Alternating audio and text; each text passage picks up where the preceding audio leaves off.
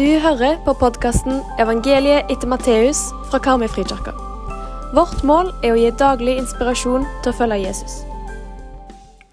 Hei, hei. Da er vi kommet til den 5. mars, og det er den 64. episoden.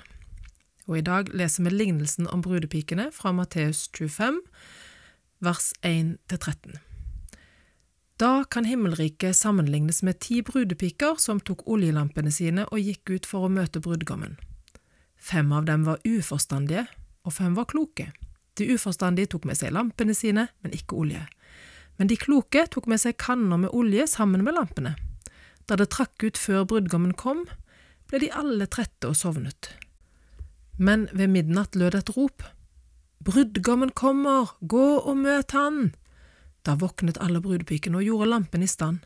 Men de uforstandige sa til de kloke, Gi oss litt av oljen deres, for lampene våre slokner. Nei, svarte de kloke, det blir ikke nok til både oss og dere, gå heller til kjøpmannen og kjøp selv. Mens de var borte for å kjøpe, kom brudgommen, og de som var forberedt, gikk sammen med han inn til bryllupet, og døren ble stengt. Senere kom også de andre brudepikene og sa, Herre, Herre, lukk opp for oss. Men han svarte, Sannelig, jeg sier dere, jeg kjenner dere ikke. Så våg da, for dere kjenner ikke dagen eller timen. Når jeg gikk på barneskolen, så likte jeg aller best de lærerne som var flinke til å fortelle. Det var samme hvilket fag det var, så syntes jeg timene der lærerne fortalte sånn at jeg så allting for meg som en film i hodet, det var de kjekkeste timene. Og hvis noen lærere bare forklarte lærestoffet tørt og kun fortalte fakta, så for tankene mine på videvanke. Og Jesus, han er en sånn fenomenal lærer, og han vet akkurat hvordan han skal undervise. Han forteller, og han bruker kjente situasjoner fra livene til de som hører på, sånn at de skal klare å følge med og ikke dette av lasset. Og en annen viktig ting, vi husker så mye bedre det vi har klart å leve oss inn i. Og nå forteller han altså om disse fem kloke og fem uforstandige brudepikene. Det å være brudepike på denne tida i Israel, det var sånn som Jesus beskrev det her. Et bryllup det kunne vare opptil sju dager, og en av de siste dagene så skulle brudgommen komme hjem til landsbyen sammen med bruden. Og på denne tida så var det ingen mobiltelefoner eller GPS som kunne fortelle akkurat når han kom. De visste cirka hvilken dag han kom, men ikke når. Og ofte var det sånn at alle i landsbyen gikk for å møte brudgommen, og hvis han kom på kvelden eller midt på natta, så var det nødvendig med lamper. Og for oss er det vanskelig å se dette for oss, for vi har levd med elektrisitet hele livet. Men det var rett og slett bekmørkt, selv i tettbebygde strøk. Så festopptoget med brudgommen var nødt for å ha lamper eller fakler, på en måte. Og alle ti brudepikene hadde sannsynligvis pynta seg, de hadde tatt på kjole, fletta håret, og de lo og snakka seg imellom, og alle gleda seg til festen. Fem hadde forberedt seg godt, de hadde olje på lampa, og de hadde reservekanner i tillegg. De andre fem de hadde olje på lampa, de jo, men de hadde ingen ekstra olje. Så skjer det som ofte skjer i et bryllup, ting tar jo lengre tid enn planlagt, det er jo enhver toastmasters store skrekk. Vi vet jo det, svigerfar taler i en evighet, og middagen drøyer, og brudevalsen den tar aldri slutt. Så må de stå der ute og vente, disse brudepikene som skal få være med på neste del av festen. De står og prater og ler, og så utover kvelden så blir de trøtte, og de sovner, alle sovner faktisk. Så kom det ropet, brudgommen kommer, gå og møt han, nå er det deres tur å gjøre dere klare, gjør sin del av oppgaven, og de skal få være med på festen når brudgommen kommer hjem til landsbyen. De fem kloke, de fyller på ekstra olje, og de er helt klare, og de andre løper fortvila rundt. Hjelp, olja har bundet opp mens jeg sov, nå er det tomt, kan jeg låne av deg? Nei, jeg har bare nok til meg, du får skaffe på butikken, men den er jo ikke åpen nå midt på natta.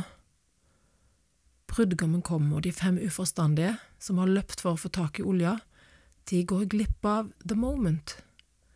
Og når de kommer tilbake, er jo alle gått inn, og døra er stengt, og det er så dramatisk. Og så får de avvisningen etterpå, jeg kjenner dere ikke, sier brudgommen. Det er en så alvorlig historie, og de får ikke være med. Og den er enda mer alvorlig for oss enn den er i denne historien, egentlig.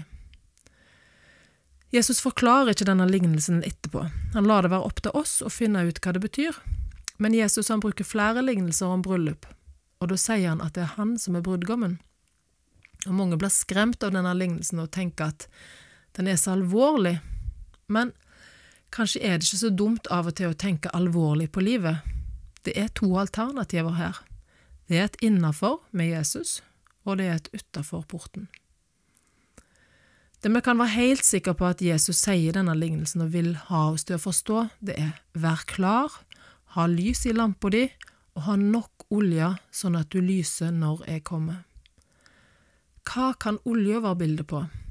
Jo, det kan selvfølgelig være et bilde på troen vår. Det kan også være et bilde på Den hellige ånd, at vi er fylt med Den hellige ånd. Og disse to tingene henger jo sammen. For at troa vår skal få næring, så trenger vi å være fylt av Den hellige ånd.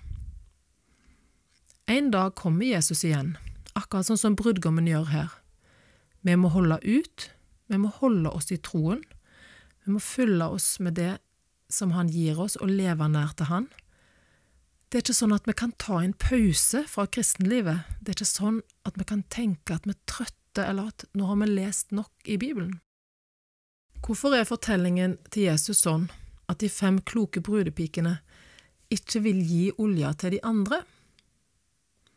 Jo, kanskje det kan være et bilde på at vi ikke kan leve på noen andres tro, eller vi kan ikke leve på tradisjonene, ikke på foreldrene våre og ikke ektefellen, eller bare det å være med i en menighet. Å møte Jesus med lys i lampa, det er et personlig ansvar. For troen på Jesus er noe du bærer i hjertet ditt, og hjertet ditt, det er personlig, det. Og så avslutter Jesus denne lignelsen med å si, Så våg da, for dere kjenner ikke dagen eller timen. Kanskje kjenner du at dette treffer deg ganske hardt i magen. Og hvis du kjenner det, så skal du få et ord fra meg nå. Det står i andre Korinterne, vers, kapittel 6, vers 2. Der står det Jeg bønnhørte deg i rette tid og hjalp deg på frelsens dag. Se, nå er den rette tid. Nå er frelsens dag. Du kan ta imot Jesus i dag.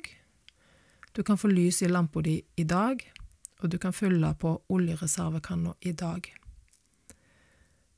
Be sammen med meg. Jesus, ta imot meg. Jesus, hjelp meg til å leve nær til deg hele tida. Jesus, hjelp meg til å være våken og klar og ha blikket vendt mot deg. Jesus, ta imot meg. Og så har jeg lyst å be disippelbønnen i lag med dere. Herre Jesus Kristus, du står her foran meg. Du er òg bak meg. Du er på min høyre side. Du er på min venstre side. Du er over meg. Du er under meg. Du omgir meg på alle sider. Du bor i mitt hjerte. Du gjennomtrenger meg helt. Og du elsker meg, Herre Jesus. Velsignet er Gud, vår Herre Jesu Kristi Far, Han som i Kristus har velsigna oss med all åndens velsignelse i himmelen. Amen.